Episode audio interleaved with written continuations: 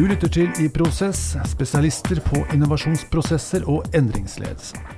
Mitt navn er Tor Berntsen, og jeg sitter her i biblioteket på Grand Hotell med to interessante gjester. Da vil jeg gjerne starte med å ønske velkommen til Hanne Tangen Nilsen. Du er administrerende direktør i Sykehuspartner. Kan ikke du si litt om Sykehuspartner og din uh, rolle der? Ja, er, eh, altså Sykehuspartner er eh, i bunn og grunn Nordens største leverandør av, til, av IKT-tjenester til sykehus. Men det er jo bare i Norge vi har markedet vårt, men det sier noe om størrelsen. at ja. det er stort. Og det er Helse Sør-Øst som er vårt nedslagsfelt.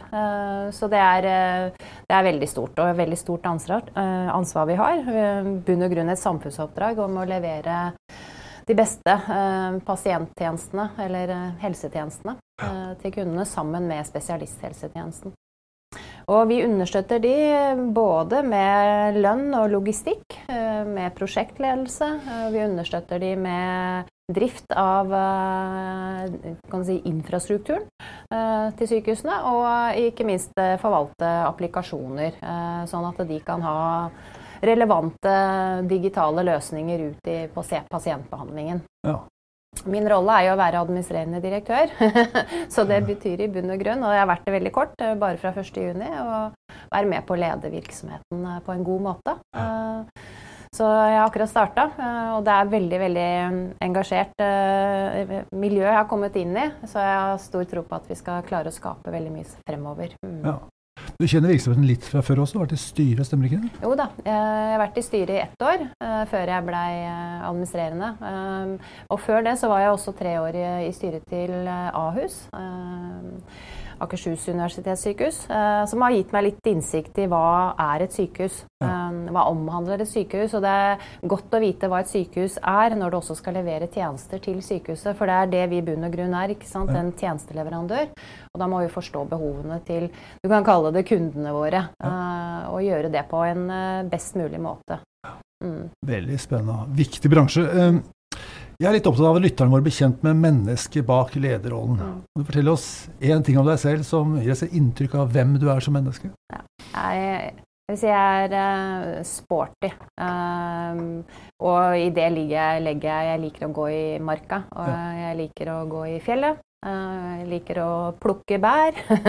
Så holde meg i aktivitet på fritida. Mm. Ja. Det høres bra ut. Da vil jeg gjerne ønske velkommen til vår andre gjest, Egil Hogna, konsernsjef i Norconsult. Kan du si litt om Norconsult og hva som er spesielt med din rolle der? Ja, Norconsult det er uh, Norges eh, største rådgivende ingeniør- og arkitektbedrift. Uh, vi er snart 100 år, faktisk. Selskapet tidligere Berdal og Strømme, og så ble det Berdal Strømme. Og så er det mange selskaper som har blitt en del av Norconsult etter hvert. Men vi er i dag over 5000 eh, ansatte. Eh, og vi eh, tegner og planlegger og prosjekterer alle mulige slags bygg- og anleggsprosjekt. Så altså bygninger, alt fra små hytter til regjeringskvartalet. Samferdselsprosjekt, flyplasser, veier, jernbane osv. Ja. Gjerne at lytterne våre skal bli litt kjent med deg også. Um, kan du si noe som gir oss et inntrykk av hvem du er som privatperson eller menneske? Ja, um, ja, jeg liker også å være i, være i, bevegelse. Men jeg tenkte å fortelle en litt annen ting som kanskje hva skal jeg si, er koblet litt med, med hvilke karrierevalg jeg har tatt senere. Ja. Uh, jeg vokste opp uh, uh, stort sett sammen med min mor etter hvert, fordi jeg mistet faren min da jeg var ganske ung. Ja. og det, det, var en tøff opplevelse. men Jeg vil si jeg hadde en, jeg hadde en fin barndom, men, men, på en måte det å ta ansvar, det var noe som jeg ble møtt med ganske tidlig. Uh, og, og, det tror jeg er noe som har preget meg litt, og hva skal du si, gjort at jeg uh, fikk uh, lysten til å, til å ta lederjobber etter hvert. Og etter hvert som jeg hva skal du si, har følt at det har gått bra, så, så har det blitt min, min karrierevei. Da. Så. Spennende. Mm. Dere leder begge kompetansebedrifter. og Det gjør at virksomheten dere leder, er i forkant av den mange trender eller i den samfunnsmessige utviklingen. Når jeg var guttunge og gikk på ungdomsskolen, så husker jeg det at det å være spesiell, da var det noe gærent med deg. Da var du litt utafor. Mens uh, senere jeg kom i yrkeslivet, så var det å være spesiell det var noe spesielt bra. Det var noe mm. unikt. Og Det har jeg tenkt på mye etterpå, at uh, samfunnet er blitt mer individualistisk. Og mange har blitt mer spesialiserte i rollene sine. Og det, hva er deres opplevelse av det? Altså, hvordan preger det rollen til medarbeidere i dag, og, og, og lederrollen kanskje ikke minst? da? Mm. Noen tanker om det?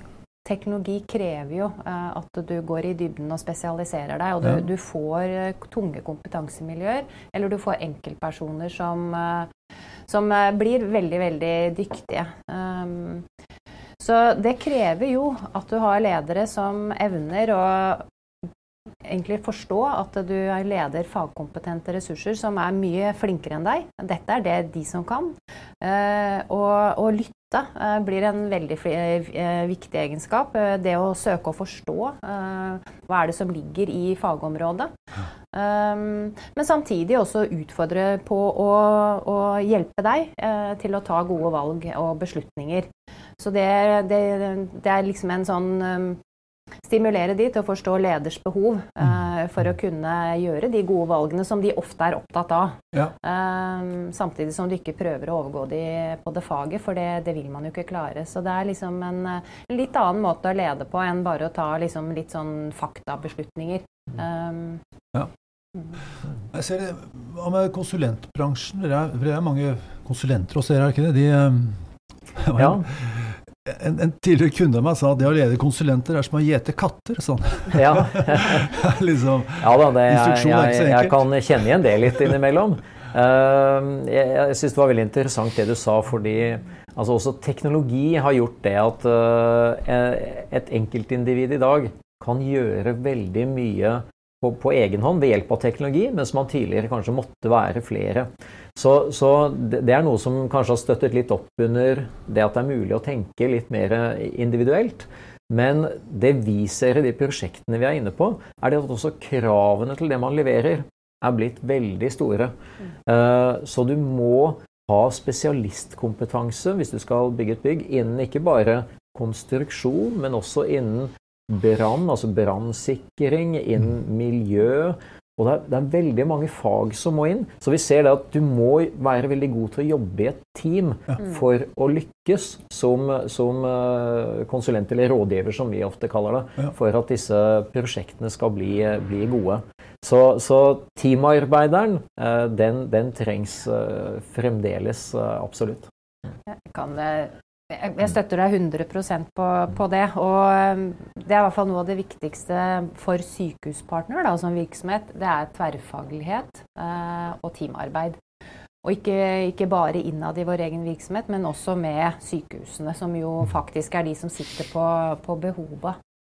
Og, så du må liksom kombinere både det å jobbe i team, eh, det å ha denne spesialkompetansen din, og i bunn og grunn, eh, sånn som jeg opplever det, i hvert fall eh, yngre medarbeidere som, som kommer inn, de kommer litt inn med dette også fra, fra skole. Ja. Mm. Der jobber man mye som, som, team. Leverer team i team. Og jeg håper i hvert fall at det er noe som fortsetter i, i utdanning. Da, at man vektlegger teamarbeid for å levere, og ikke bare kun individuelt. Da. Ja. Fordi det er som du sier, eh, og til sykehus også. Eh, skal mm. du levere inn på nye bygg der, så er det jo kombinasjonen av det å bygge, som krever mye, mm. og i tillegg da IKT-leveransen som skal passe inn. Og ikke bare infrastruktur, men også nye applikasjoner og nye tjenester som liksom Når du kommer med sluttleveransen, så er det et kjempeteam som har jobba sammen, og alt skal passe sammen. Man skal overholde tidsfrister, eh, man skal forstå behovet osv. Så, videre, og så, videre. Mm. så Team er kanskje noe av det viktigste vi jobber med. Mm. Jeg vil anta at eh, kravet til samarbeid har økt, på en måte. Altså, eller det har blitt mer komplekst å samarbeide. for at jeg snakket med en bank for ikke så lenge siden. De sier at eh, verdiskapningen vår skjer ofte i, mellom fagene.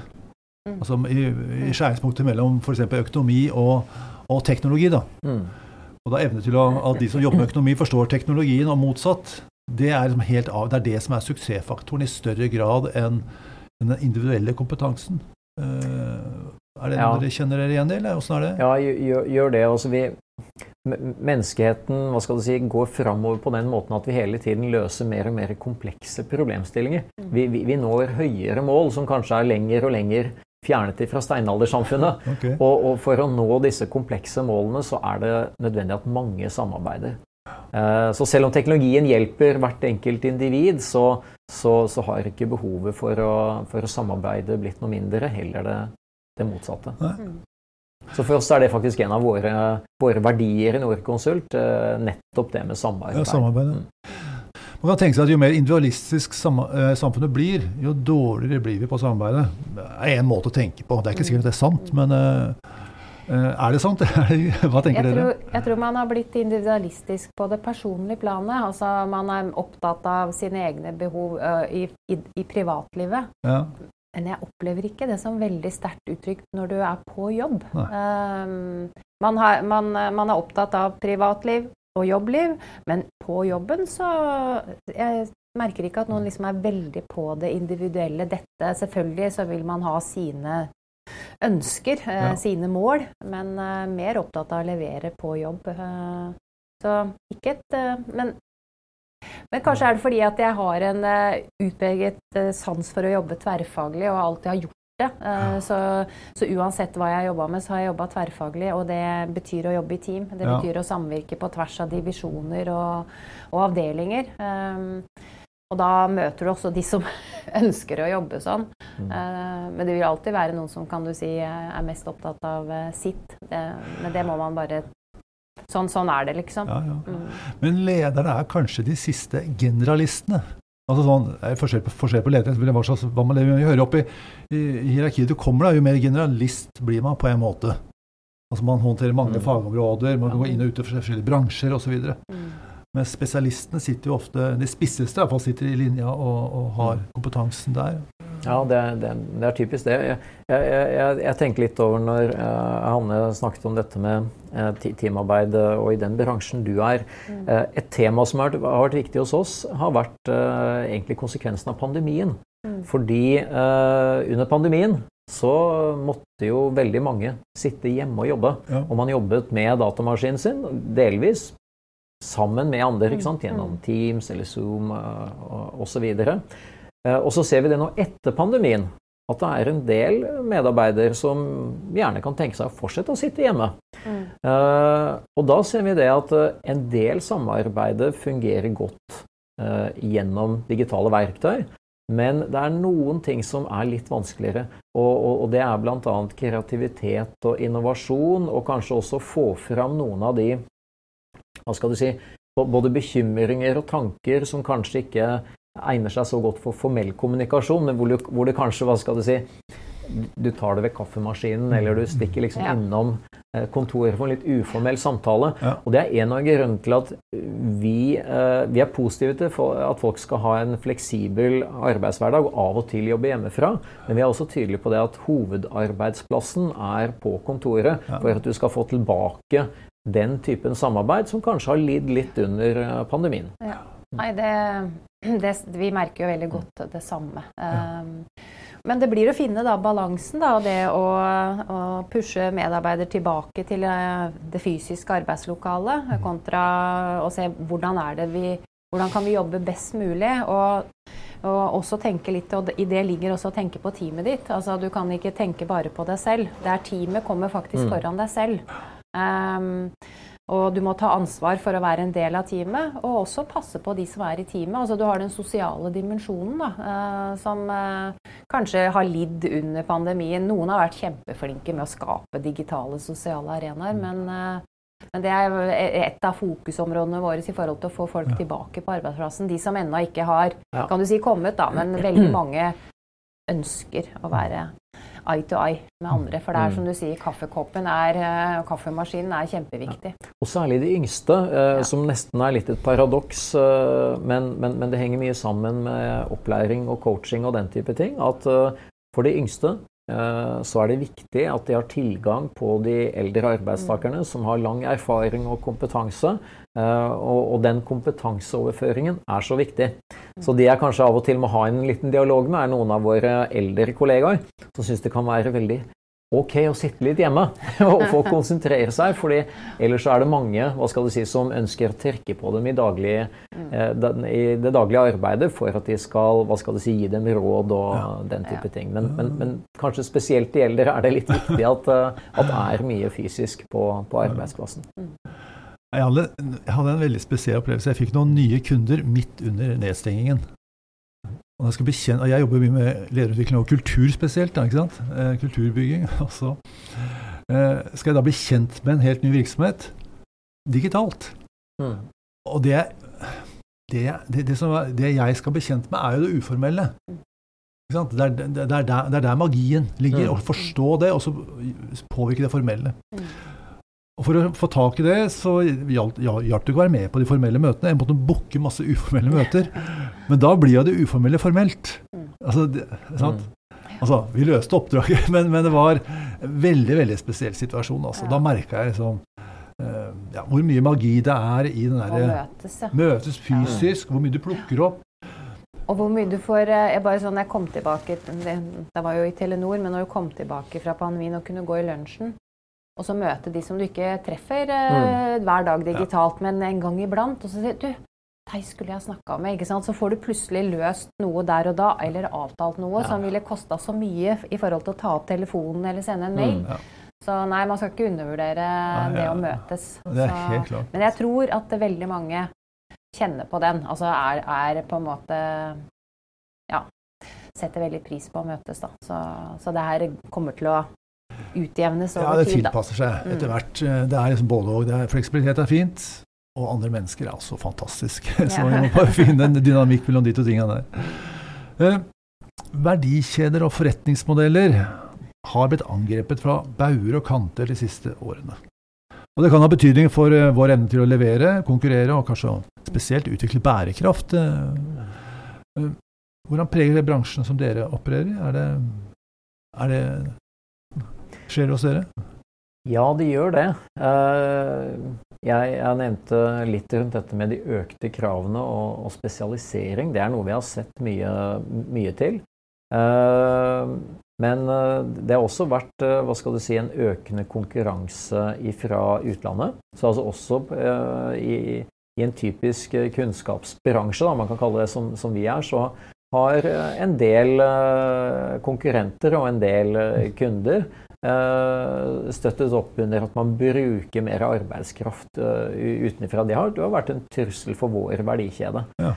Men, men, det vi også har sett de siste årene, og kanskje særlig nå etter, eh, etter pandemien og også krigsutbruddet i Ukraina, er at man ser enda større behovet for å ha lokale krefter som er uh, pålitelige, og som, uh, og som, virkelig forstår de lokale forholdene, og som leverer konsistent ja. uh, i, i, i, dagens situasjon. Så ja, det er noen trusler rundt verdikjeden og noen endringer. Viktig å være fleksibel, men samtidig opplever jeg det at i hvert fall i vår bransje så står vi veldig støtt i, i Norge og, og, og lokalsamfunnene. Ja. Jeg har snakket med noen i, si, i din bransje, og de mm. sier at, uh, at verdikjeden er såpass kompleks at uh, utfordringen med å få til en virkelig bærekraftig byggebransje, da, det er mm. å se på verdikjeden. Hva, er dine refleksjoner rundt det? Ja, jeg tror kanskje at behovet for og fokuset på, på, bærekraft er den største endringskraften vi står overfor. Den er viktigere enn mange andre ting som, som f.eks. teknologi. Ja. Eh, og årsaken til det er at eh, det innebærer at man må rekalibrere litt målene med alle prosjektene man holder på med. Hvis du tar et tradisjonelt eh, samferdselsprosjekt, la oss si en vei eller noe sånt, så har fokuset vært på Kostnader, selvfølgelig. Skal være billigst mulig. Ja. Eh, det skal være sikrest mulig, altså minst mulig risiko for eh, skader på personer eh, osv. når veien er åpnet. Og så skal det være et, et hurtigprosjekt, slik at det ikke tar for lang tid å bygge. Ja. Tradisjonelt så har det ikke vært noe fokus på det å ha minst mulig CO2-utslipp, bruke minst mulig materialer. Altså Fokuset har vært på å få kostnadene ned, ikke bruke lite materialer. Men hvis du nå ser på bærekraft, så så innebærer det store endringer, fordi nå blir det viktig å bruke lite materiale. fordi det er nettopp gjennom produksjonen av materialer at CO2-utslippene blir veldig store. Og det er det som ødelegger naturen på den måten at man tar jomfruelig natur og, og, og bygger den ned for å produsere eh, materialer, gruvedrift osv. Uh, og, og, her ser vi det at uh, det kommer store endringer rundt hvordan man må tenke i prosjekter. Og der har vi i Norconsult en veldig spennende jobb, fordi det er, det er, gjerne vi som vet hva konsekvensene blir. Uh, I stor grad og kan synliggjøre det gjennom beregninger og, og, og modeller og den type ting. Men vi, vi, vi ser det at her kommer det endringer etter hvert som standardene og re reglene endrer seg. Men det kommer til å skje mye i, i årene som kommer. Men er det med bransjen deres det handler jo om å sette pasienten i sentrum. Vi skal eh, understøtte de med å være sykehus med å være en god partner for pasienttjenester i utvikling. Og for å levere på det, så må vi levere sammen med leverandører. Altså det å jobbe sammen med leverandører er avgjørende, for vi er en, si, en drift- og utviklingspartner. Eh, samtidig så er eh, i pasientbehandlingen så har du mye medisinskteknisk utstyr det leveres av store internasjonale leverandører. Og vi blir sånn sett en uh, avtaleforvalter. Vi anskaffer, vi setter det i system, vi sikrer det. Uh, og må jo evne å jobbe veldig godt med, med leverandørene. Uh, sånn at de, de, vi får et godt økosystem hvor vi utvikler og egentlig digitaliserer da helsesektoren i Helse Sør-Øst eh, på en god måte og et godt samspill. Og det, det, er krevende, men det er helt avgjørende. Og man kan si det sånn da, at Den største, kanskje viktigste oppgaven for oss eh, framover nå, det er å sørge for at vi, vi kaller det å regionalisere ja. helsetjenestene. Uh, og det betyr jo at du har ikke hvert og enkelt sykehus behøver ikke ha, kjøpe samme verktøyet og ha, så har vi elleve eh, instanser av det samme verktøyet eller samme applikasjon, men at vi jobber mer og mer mot, eh, mot eh, helhetlige eh, tjenestetilbud eh, i hele Helse Sør-Øst. Så vår rolle blir å være en del av det økosystemet. Da sanerer vi. Da får vi mye mer bærekraft, det blir mer robust, samtidig som pasientbehandlingen blir likere på tvers. For da, mm. Det er jo også en av garantiene fra på en måte regjeringen. De ønsker jo likebehandling i, i pasienttilbudet. Så det, det, er et stort og sammensatt uh, område i bunn og grunn, da, men ja, som krever uh, enormt godt, godt, samarbeid med leverandørmarkedet. Ja. Mm. Både lokalt, uh, konsulenttjenester, men også de andre driftsleverandører. Vi må ikke drifte alt selv. Og så har du da de som leverer medisinsk-teknisk utstyr fra Og det er stort sett internasjonalt. Mm. Ja, det skjønner jeg. Men dere, dere krever det må Eller dere får et blikk på hele verdikjeden, på en måte, og, og se hele verdikjeden, og så ta valg ut fra et helhetsperspektiv, da, mm. Som er ganske eh, ja, formidabelt. Men det må vi gjøre sammen med, med sykehusene, ikke sant? for ja. det er de som eh, Og det blir litt sånn som med, med å bygge eh, store sykehus, f.eks. Mm. Du må forstå arbeidsprosessene og hvordan uh, man jobber i team rundt en pasient på et operasjonsbord f.eks. Det kan jo være fem-seks eh, medarbeidere som alle utfører spesialiserte roller, og som alle bruker digitale verktøy ja. til å gjøre f.eks. en operasjon. Uh, og så er det vår rolle å sørge for at det er robust, uh, at det er oppe 24-7, uh, at det er sikkert. Ja. men også at, at, vi da jobber på tvers av alle sykehusene i Helse Sør-Øst og sørger for denne likeverdige pasienttilbud gjennom standardisering av, av verktøykassa, da, for å ja. bruke det. Mm. Ja. Det har vært en del snakk om under pandemien spesielt da, at tidlig, vi har hatt, hatt internasjonale verdikjeder som har blitt stoppet opp av pandemien og mm, forsinket mm. nå pga. Uh, mm. manglende logistikk og sånne ting. Er dere blitt preget av det? Ja. Ja. ja. ja, mest av alt på forsinkelser i utstyrsleveranser. Så, og det gjør jo at når vi ikke får utstyret, så forsinker vi prosjektene, og da ja, forsinker vi Det kan være utbygging av eh, et nytt sykehus. Da forsinker vi byggeprosjektet. Ja. Eh, eller vi eh, forsinker moderniseringen av sykehuset fordi vi ikke får det utstyret. Så det, det er nok den største på en måte effekten av pandemien, men for så vidt litt også krigen, men mest av alt pandemien. Tenker du at dette må vi gjøre noe for å unngå i framtiden. Eh, altså, er, er, det mulig å unngå det i framtiden? Ja, selvfølgelig. Ja, altså At ting skjer kan du jo ikke unngå, men du må jo være litt forberedt, da. Så, så, jeg tror nok eh, for veldig mange nå som jobber innenfor IKT, så handler det om å tenke gjennom hva er det jeg skal ha beredskapslagre, hvor lang tid i forkant eh, bestiller jeg, uh, og jobbe mye mer aktivt med sånn, leverandørene. Og så er det jo bevegelse i leverandørmarkedet òg. De også ser at her må vi gjøre endring i hvor vi produserer utstyr mm. for å ha større garanti for at du kan levere selv om det skjer noe ja. globalt. Ja, ikke sant. Man, man må ha mer eh, fokus på altså, lokal tilgang til, til, materialer og leverandører. Man kan ikke bare basere seg på, på Kina eller Asia. Og, altså, hvis du ser på Norge Vi, vi har jo f.eks. importert massevis av russisk trelast de siste årene. Ja. Og så vet vi hvor mye skog det er i Norge og i Skandinavia. Så har man hentet det fra Russland. Man har gjort det fordi det har vært billigst. Uh, og, og, og, så er det jo da en del også av våre kunder som har oppdaget det at oi, plutselig forsvant tilgangen på materialer over natten. Hva gjør vi da? Det har medført stopp i en del prosjekter. Men så når man begynner å hva skal du si, tenke seg om, så har man ganske hurtig funnet alternativer. I, noen tilfeller så har man byttet ut tre med stål, litt midlertidig, men det er jo også å få opp de leverandørene som er i, i, i nærmiljøet. Kanskje må man betale litt mer, men du har en, en, leveransetrygghet som er noe helt annet, og du har også en veldig god kvalitet. Ja. Så, så, det er mange muligheter til å få en bedre sikkerhet i, i uh, verdikjeden eller leveransekjeden enn det man har hatt uh, tidligere. Jeg tror man har lært seg, fått et lite sånn eh, klaps eh, på skulderen i forhold til eh, risikostyring. Altså det å jobbe med trender, utvikling, følge med mye mer. Og mm. kanskje være mer um, kritisk eller, det, eller ta inn over seg at negative ting kan faktisk skje. Mm. Og det har vi jo lært nå, ikke bare krigen og pandemien, men før det så var det jo en veldig sikkerhetspolitisk spent situasjon mellom USA og Kina som også påvirka utstyrsleveranser. Så jeg tror den der beredskapsdimensjonen den begynner å våkne da, mm. i, i, Norge. Ja. Den teknologiske utviklingen fører til store samfunnsmessige endringer. Det stilles jo ofte nye forventninger og krav i forbindelse med det. Eh, har det preget bransjene deres? Eller ta deg først, Egil. Er teknologien endret måten dere jobber på? Selvfølgelig er det litt videomøter og sånn, det skjønner jeg, men eh, er det noe mer enn det? Ja, altså vi ser en veldig betydelig digitalisering eh, som eh, vi ser at uh, gjør flere ting.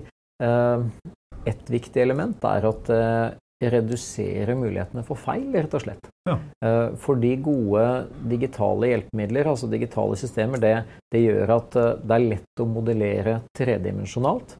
Det er lett å vise dette til, til, kunder, men også kollegaer som jobber med både samme fag og andre fag, eh, slik at man hurtig kan visualisere det enten på en skjerm eller også i en, eh, i en virtual reality-modell. Du kan gå igjennom f.eks. og se på sykehusbygget før du har begynt byggingen av det, for å sjekke at eh, rør og åpninger og alle sånne ting er på de plassene som, som, de skal være. Og Da kan du faktisk også hente inn ansatte ved, ved, ved, sykehuset, at de kan sjekke at er dette praktisk før man begynner byggingen. Så, så øh, det, det, er et eksempel på Snakker vi her med sånn VR-briller og Ja, ja. ja det, og det, det, bruker vi ganske mye i forbindelse med særlig de mest komplekse byggene. Ja.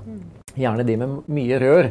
Fordi, og det, har du mye av på et sykehus, og du har mye av på det, i et vannbehandlingsanlegg f.eks.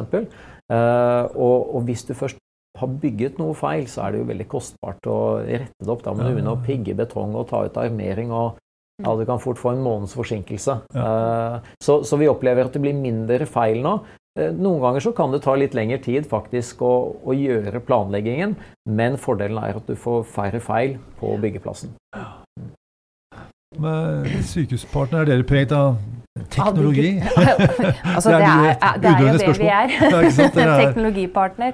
Uh, ja, vi er jo Altså, mest av alt så, så handler det jo om å digitalisere arbeidsprosesser. Ja. Og bruke digitale verktøy, sånn som du beskrev veldig bra her. Så, så det er hverdagen vår, er å, å bidra med digitalisering ute på sykehusene, men også av eh, egne arbeidsprosesser og måten vi jobber på i, eh, i selskapet. Og det, mest av alt eh, så drøm, er jo drømmen vår om å, å lage våre tjenester så lette å ta i bruk at digitaliseringen går raskere. At man kan ta i bruk eh, nye tjenester fra andre leverandører. Da, Som jeg sa, medisinteknisk utstyr på en sånn måte at det ikke er masse hindre eh, som står i veien. Og et hinder kan være at vi skal gjøre risiko- og sårbarhetsanalyse. Det er veldig mye personsensitiv informasjon i medisinsk-teknisk utstyr. Hvordan kan vi forenkle disse arbeidsprosessene? Og en del av det gjør vi ved å standardisere, men også automatisere. Ja.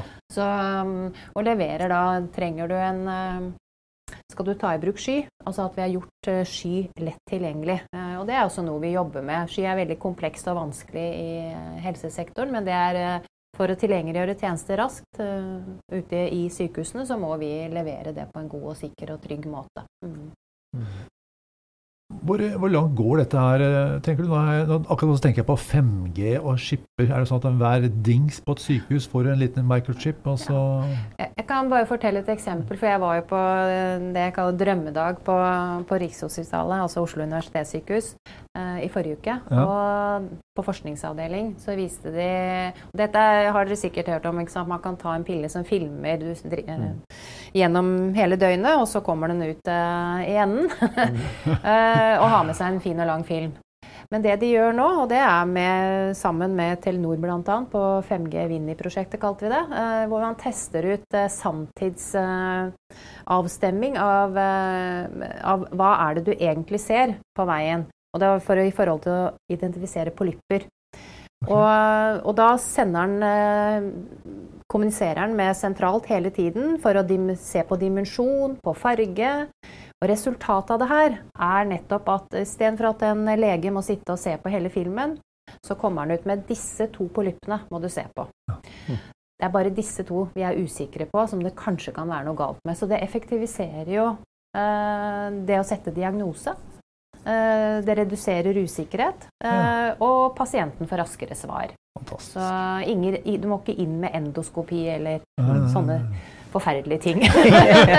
du tar bare en pille, og så, og så, får du svaret. Men det gjør jo ikke sant, Tenk på det. altså Pasientbehandlingen blir jo helt eh, Det er noe helt annet. Du, du effektiviserer helsevesenet. Vi, vi, får færre hender fremover. Flere eldre. Kan vi gjøre ting smartere med digitale verktøy? Og det er jo det som er hele drømmen til uh, hele helsesektoren i Norge. ikke sant, At vi mm. skal få til det. Mm. Den pilen er et lite kamera det er bare ikke et kamera, men det er også dette at det er uh, sanntidsoppdatering ja. og, og, egentlig bruk av kunstig intelligens ja. i forhold til å forstå hva er det som skjer. Og kommunisere tilbake til denne pillen hele døgnet som du har den igjennom. Da. Mm. Fantastisk. Noen påstår at framtiden kan bli mer, mer, kompleks, men uh, kan det bli mer kompleks enn dette?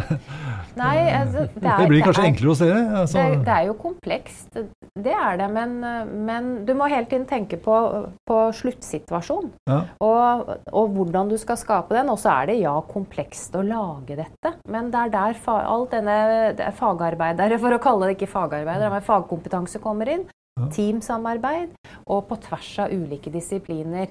Sånn som vi jobber med når vi bygger sykehus, så jobber vi jo med den som bygger sykehuset, som har ansvaret for eh, bygget. Ja, ja, ja. Og så kommer vi inn fra Sykehuspartner med IKT-leveransene. Og så må man spille på lak i forhold til hvordan man krever utforming av bygget i forhold til IKT-leveransene. Eh, som jo omfatter også telekommunikasjon og alle opplevelsene du skal ha som pasient ute på sykehuset. Så. Når jeg hører deg fortelle, feil så kommer påstanden. Altså det, jeg har jo ofte hørt da, at uh, folk sier at uh, framtiden blir mer kompleks, og endringene går fortere og fortere. Det går aldri så sakte som nå. det er sikkert riktig, men, men, uh, men, når du forteller, så hører jeg at ja, den teknologiske utviklingen blir bare høyere og høyere. Altså blir bedre og bedre. Men for folk så blir det kanskje litt enklere også. Altså I stedet for å få dette svære røret opp eh, bak, så får jeg en pille jeg kan ta inn foran. og det høres så mye enklere ut. Ja. Så det, det, kan jo hende at eh, framtiden kanskje blir noe enklere i en del situasjoner òg, da. Det, bli, eh, det, er faktisk målet. Å gjøre mm. pasientbehandlingen da, ja. uh, god, ja. sikker, trygg og ikke minst effektiv også for pasienten. Altså det at du vet hva du skal igjennom. At du får eh, god dialog underveis, kommunikasjon om hva som skal skje. Ja og at du blir minst mulig prega av det som skal skje. Ja, at ja. uh, pasientbehandlingen rett og liksom, akkurat det måten du skal løse det på, er uh, enkel og, Mest mulig virkning og minst mulig bivirkning. Yes, der sa du det. Mm. Det, det er veldig parallelt til vår bransje også, fordi målet vårt er jo å gjøre arbeidet for de som er på byggeplassen, enklest mulig. Ja. Det betyr ikke nødvendigvis at det blir noe mindre behov for å planlegge, selv om man har et digitalt verktøy som man gjør det i. Men øh, målet øh, og konsekvensen, forhåpentligvis, er det at man får, øh, får det enklere på byggeplassen, mindre sløsing med materialer, og man får gjort det rett første gang. Mm. Da kommer vi med påstanden at uh, framtiden blir enklere.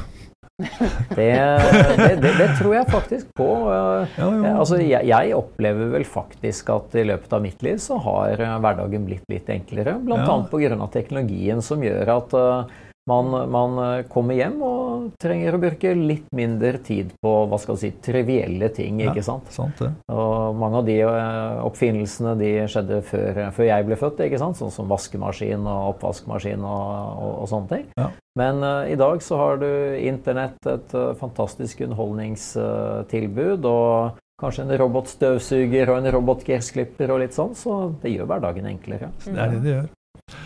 Eh, Hanne, hvis alt går slik du ønsker de neste seks månedene Mm. Dette er drømmescenario. Seks måneders drømmescenario. Seks måneders drømmescenario. Du hadde jo drømmedag i stad. Ja, ja, ja. Hva har du fått til da?